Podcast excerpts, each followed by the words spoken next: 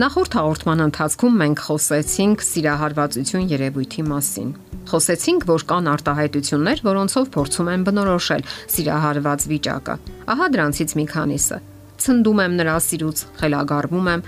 գլուխս կորցրել եմ, կախարդական սեր, եթե ինձ մերժի կգժվեմ կամ ինքնասպան կլինեմ եւ այլն։ Եկեք ուշադրություն դարձնենք այն բանին, որ նկարագրված մտքերը կամ աստված մտքերը բացասական երանգավորում ունեն։ Ցնդել, գժվել, խելագարվել, գլուխը կորցնել եւ այլն։ Իսկ ինքնասպանության մասին մտքերը լրացնում են այդ ցուցակը։ Սակայն սերը այն զգացումն է, որը պետք է միայն դրական մտքեր եւ դրական տրամադրվածություն առաջացնի։ Այն պետք է լցնի մարդու կյանքը ոգեշնչվածությամբ եւ բարությամբ, դիմասինի հանդեպ հարգանքով եւ կյանքը մի այլ ավելի դրական ուղղությամբ տանելու ցանկությամբ։ Այլ կերպ ասած, իսկական սերը ոգեշնչում է, այլ ոչ թե մահվան մասին մտքեր առաջացնում։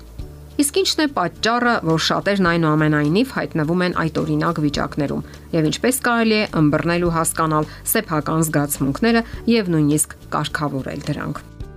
Սերը, ինչքան էլ որ այն ուժեղ լինի, կարող է ենթարկվել կարգավորման։ Ամբողջ հարցն այն է, որ մեզ վրա ազդում են օրինակ մանկական տպավորությունները, երբ սովոր էինք ամեն ինչին նայել կատարելության բացարձակին հասնելու դիրքերից մարդու վրա ազդում է նաև ստացած ինֆորմացիան կամ տեղեկատվությունը։ Ասենք գրականությունը, բանաստեղծությունները, երաժշտությունը, ֆիլմերը, Արվեստի այդպիսի գործերում հաճախ է նկարագրվում սիրո, սիրահարվածության այնպիսի վիճակ, որը որպես թե ամենակուլ է, հրդեհում է մարդու էությունը եւ հասցնում խենթ կամ այսպես կոչված գիժ վիճակի, Իսկ ֆիլմերի արհեստավարժ դերասանները այնպես են նկարագրում այդ ամենը, այնպես են խաղում, կարծես ամեն ինչ իրական լինի։ Իսկ տպավորվող զգայուն անznավորությունները այդ ամենը լուրջ են ընդունում կամ ինչպես ժողովուրդն է սիրում ասել, սրտին մոտ են ընդունում։ Եվ դա մտցնում են սեփական կյանք։ Ճշմարտությունը եւ այն, որ մեր օրերում կարծես նահանջել է սիրո զգայացունց եւ բուրըն դրսևորումը Այսօր ավելի հաճախ, քան նախկինում ամուսնանում են པարս հաշվարկներով։ Միությունը կառուցում են մեկ տնտեսական հաշվարկներից ելնելով։ Սոցիալական կյանքը ավելի լարված է եւ բարոյականությունը առավել քան երբևէ անկում է ապրում։ Մարդն այսօր ավելի ու ավելի է մեկուսանում եւ հայտնվում միայնության մեջ։ Սակայն ինչքան էլ հակասական հնչի, հենց սրանք են հաճախ նպաստում, որ մարդն իր համար որոնի հենց այնպիսի վիճակներ, ինչպիսիք են գժվելը, խենթանալը, ցնդելը։ Այս կերպ նա փորձում է դուրս գալ մեկուսացվածությունից, որոնում է իրեն գտնելու եւ դրսեւորելու իրավիճակներ։ Նա ցանկանում է, որ իր մասին խոսեն, իր համար հոգ տանեն եւ պարզապես իրեն նկատեն այս բուրն ու մոլեգին աշխարհում։ Իսկ մերօրյա ողբերգություններից մեկն այն է, որ հաճախ այդ վիճակում են հայտնվում նույնիսկ ամուսնացած անznավորությունները։ Չունենալով ամուսնական երջանկություն, Նրանք երջանկություն են որոնում ցախ հարաբերությունների միջոցով եւ հաճախ սիրահարվում են կամ իրենց հետ թվում թե սիրահարվում են ամուսնական միությունից դուրս։ Հենց այդ կերպ են կնքվում նաև տարիքային հսկայական տարբերությամբ ամուսնությունները։ Դա անվանում են սիրահարվածություն, թեպետ կողմերից մեկը երբեմն խաղարկում է, ելնելով զուտ նյութական դրամական հաշվարկներից իսկ մյուս կողմին դա պարզապես ձեռք է տալիս։ Սակայն գաղտնիք չէ նաև, որ կյանքը շատ արագ է բացահայտում նման մութ գործարքների սնանկությունը։ Սերը կույր է։ Մենք հաճախ ենք լսել այս արտահայտությունը, որպես թե այն ոչինչ հաշվի չի առնում, ջնջում է բոլոր սահմանները, թե տարիքային,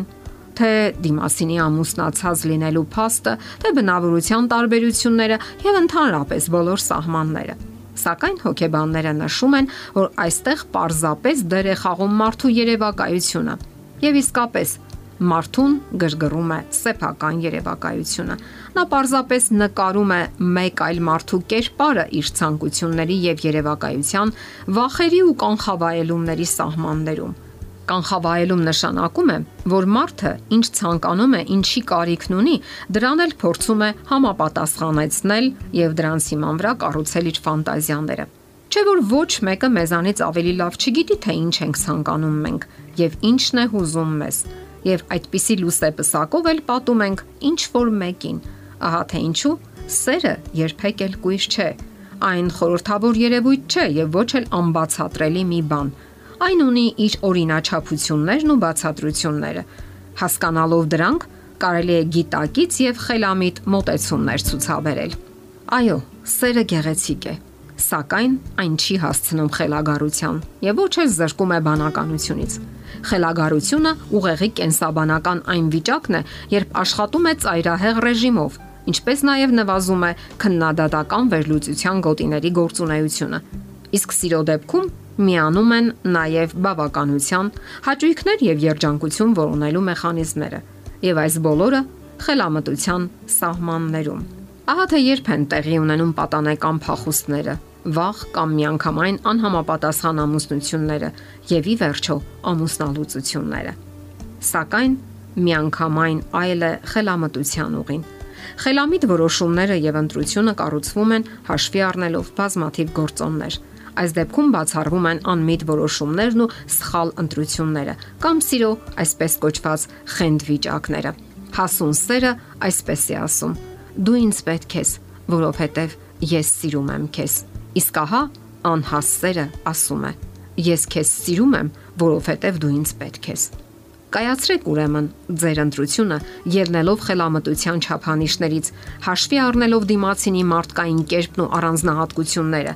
Դա առաջին հերթին ձեր օգտի համար է։ Մի գժվեք որևէ մեկի համար եւ ոչ էլ խելագարվեք։ Պարզապես սիրեք նրան, հարգեք նրան եւ ճիշտ ընտրություն կատարեք։ Եթերում ճանապարհ երկուսով հաղորդաշարներ։ Ձեզ հետ է գեղեցիկ Մարտիրոսյանը։